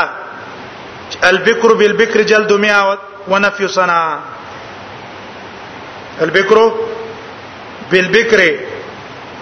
جلد 100 وتغریب صنعاء یو کال لپاره شړې دا زیادت زیادت یا قران کې دي وليطوفوا بالبيت العتيق دې دې طواف کې د بیت الله آیات دلیل په مطلق طواف چې طواف څه ته وایي الدوران حول البيت د بیت الله نګر چا پیر سړی تا او راتاو شې دې ته طواف ویل کیږي اوس په دې کې او دسی او که بیا ودسې که په ودس باندې طواف وکړو او که بیا ودس باندې طواف وکړو د ټولو ته ویل کېږي طواف قران کې طواف مطلق ده رسول الله صلی الله علیه وسلم را اولګې دو قید اوسه ولګاو وی فرمایله چې الطواف بالبيت صلاه په بیت الله نه طواف کول د حکم لري په شان ته د مانزه د مانزه پر حکم لري مانزه د پاره او د شرط ته لا تقبل صلاه بغیر طهور منځ په غیر د طهارت نه کیږي نه د قصد ثواب ته پارم طهارت شرط ته په غیر ته کیږي نه نو محمد رسول الله صلی الله علیه وسلم لګول قران صرف دوران ویل محمد رسول الله صلی الله علیه وسلم طهارت شرط کړو وغیر ذلک تر پر نور مثالونه دي سلورم قسم هغه دا ده ان تكون موجبه لحكم سكت القران عن اجابه چې محمد رسول الله صلی الله علیه وسلم واجبون کې د پاره دی حکم چې قران داګه نه ساکت پاتې شوی ساکت او محرمه لما سکت عن تحریمه یا قران ساکت داګه د تحریم نه پاتې شوی او محمد رسول الله صلی الله علیه وسلم ته داګه د حرمت بیانو کې جره حرام نه لکه داغي مثال الاحاديث التي اثبتت حرمه الجمع بين المراه وعمتها اغه احاديث چې پای کې جمع ده من راغله د جمع کول نه په نکاح کې په مابین د جنې او د هغه د ترور کې یا د هغه د خرزه کې ستا په نکاح کې یو خزه ده تر اولګيږي اغم دی په نکاح کې ده او تروریم په نکاح اخلي یا خرزه په نکاح اخلي یا وریره په نکاح اخلي انا روا ده د قران کې شته نشته محمد رسول الله ته حرام ویره احکام الشفعه د شفعي احکام په قران قران کې نشتا شته شفعه چرته په قران کې ذکر ده په قران کې چرته شفعه نشتا محمد رسول الله د شفعي احکام بیان کړي دارنګي په قران کې د دریاب حکم نشتا چې دا غي د ابو څه حکم ده دا غي د حیواناتو څه حکم ده تفصیلا نشتا رسول الله صلی الله علیه وسلم فرمایي الطهور ماؤه الحل میتته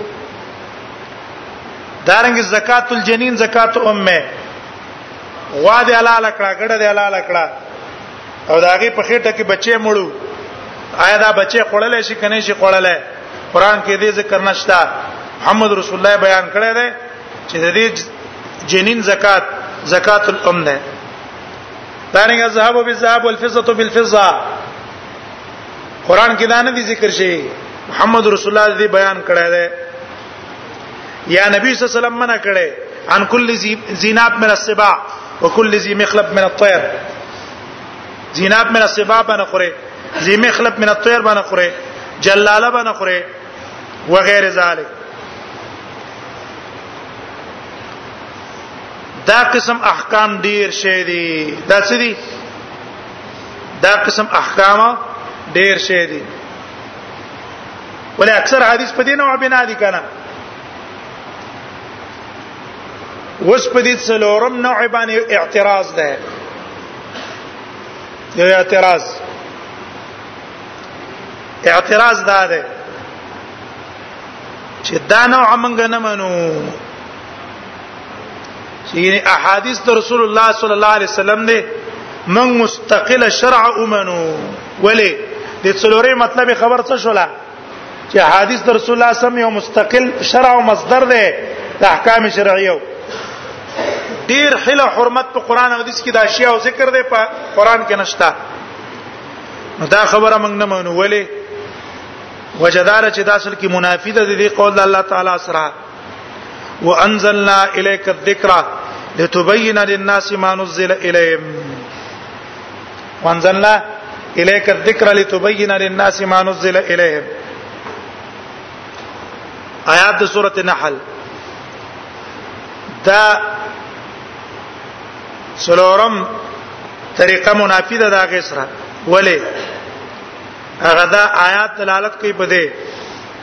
چې حدیث مبین ده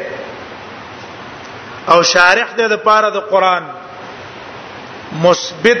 د احکام فی نفسه نه ده وینا شوي آیات دلالت پس کوي آیات دلالت کوي په دې چې احادیث د رسول الله صلی الله علیه وسلم مثبت دي دا شا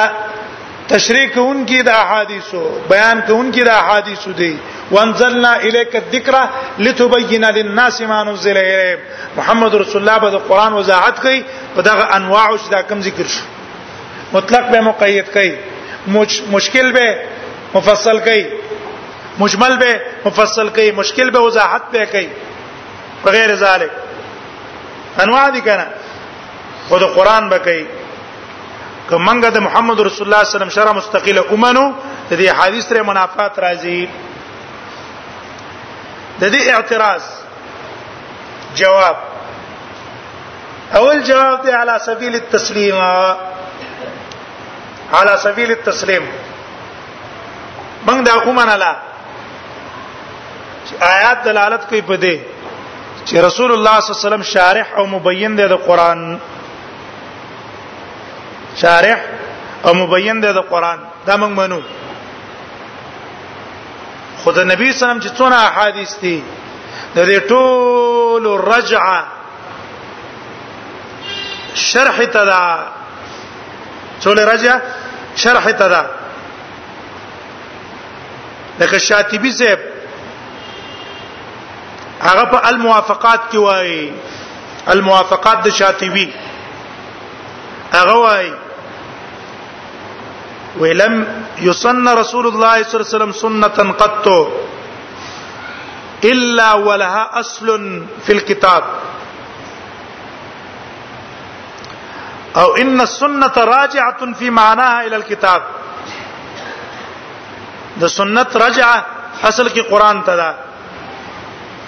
فهي تفصيل مجمله مجمله فهي تفصيل مجمله وې دا احادیث اصل کې د مجمل د قران تفصیل کوي بیان او مشکله دا غي د مشکلات مشکل وضاحت کوي بس تو مختصری او دا غي د مختصر وضاحت کوي وهو الذي دل عليه قوله تعالى او په دې خبره باندې دا قران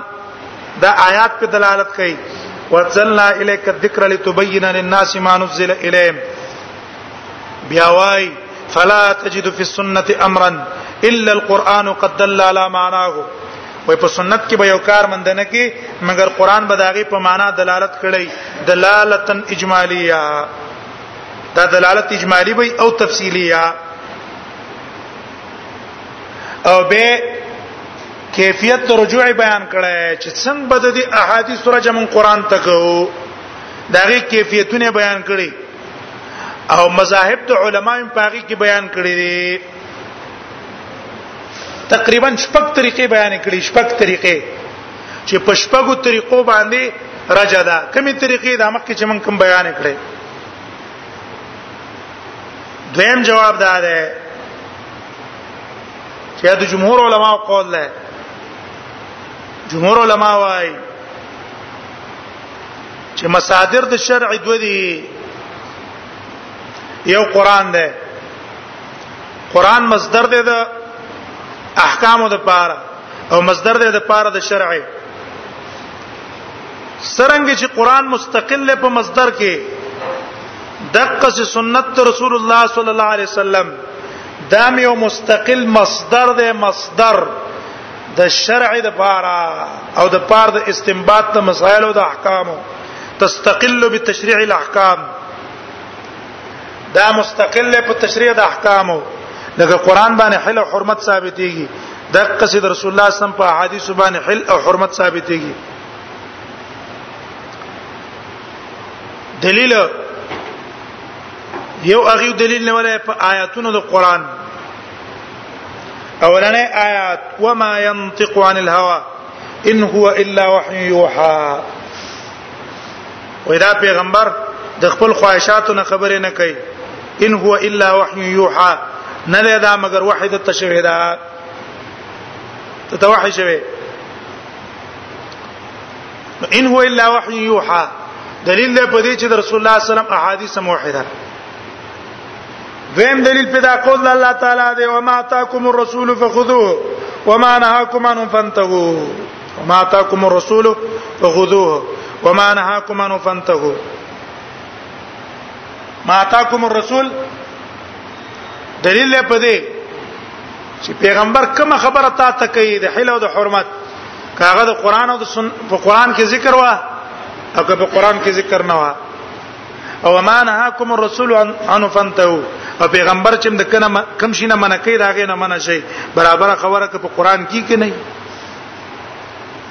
دریم دلیل دا آیات ته فلا وربک لا یؤمنون حتا یحکموک فيما شجر بینهم سوره النساء آیات ته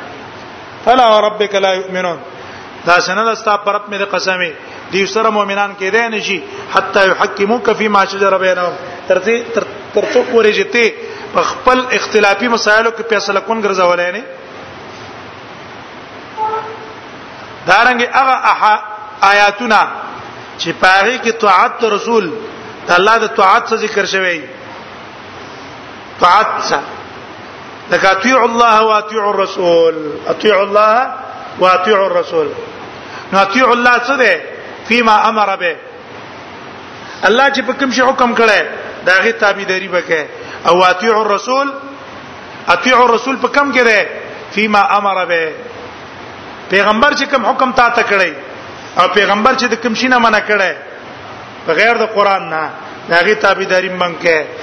او که چرته محمد رسول الله احادیث مستقله شرع نشي اتیع رسول ته ضرورت نشتا ولی پاتیع الله کې په خپل داخل لکه نه ده نو دغه آیاتونه چې په کم کې امر بالطاعه الرسول لاغله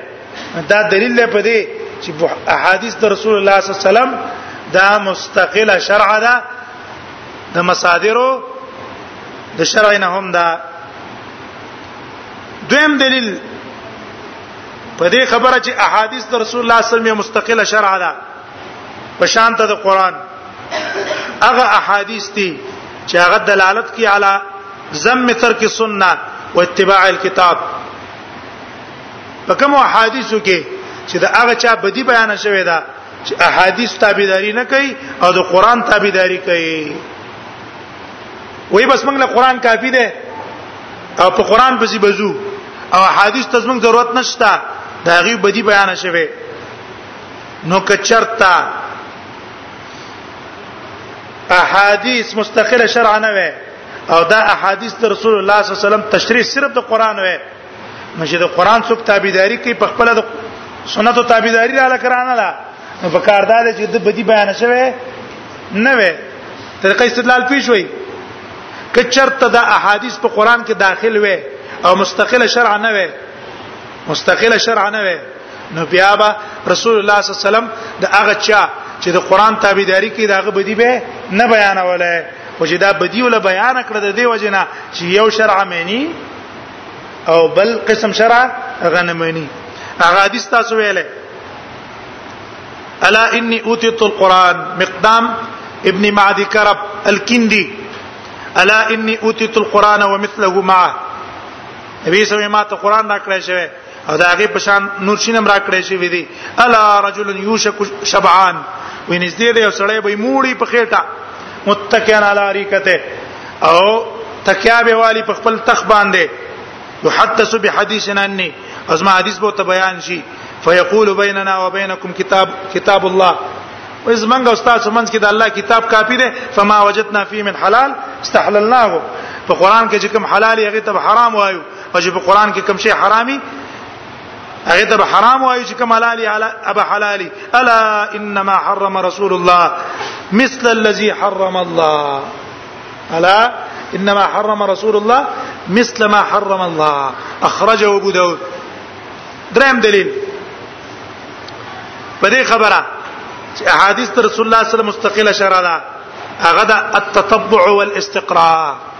التتبع والاستقراء داله على ان في السنه اشياء تتبع استقراء دلالت کوي په دې چې په حدیث د رسول الله صلی الله علیه وسلم کې داسې احکام دي لا تحصى کسرا چې د شماروالي د وجنه راګيريږي ډیروالي د وجنه ډیر والی د وجنه راګیریږي نه لم ينص عليها في القران په قران کې سره ذکر شوی نه دی او محمد رسول الله صلی الله علیه وسلم هغه موږ ته بیان کړی دی ک تحریم نکاح المرأه على عمتها او خالتها ک تحریم نکاح المرأه على عمتها او خالتها دا قران کې شته نه تحریم الحمر الاهلیه قرانو خروخه کې کول ناروا قران کې دانشته نبی اسلام ته منع کړي کل زیناب من السبع د دې ذکر په قران کې نشتا دارنګ احکام د دیت العقل دا په قران کې نشتا فقہ کل اسیر د قیدانو آزادول او د هغه اجرونو او ثوابونه دا په قران کې نشتا محمد رسول الله بیان کړی دي دا تتبع استقرار دلالت کوي په دې چې قران احادیث مستقله شرع ده په شان ته د قران سلورم دلیل النصوص الوارده فی القرآن هغه نسونه چې هغه راغلي دي په قرآن کې او دلالت کوي على وجوب اتباع الرسول صلی الله علیه وسلم وطاعته چې د نبی سلام تابعداري واجب ده او داغه تابعداري لازم ده فيما يأمر به وينهى عنه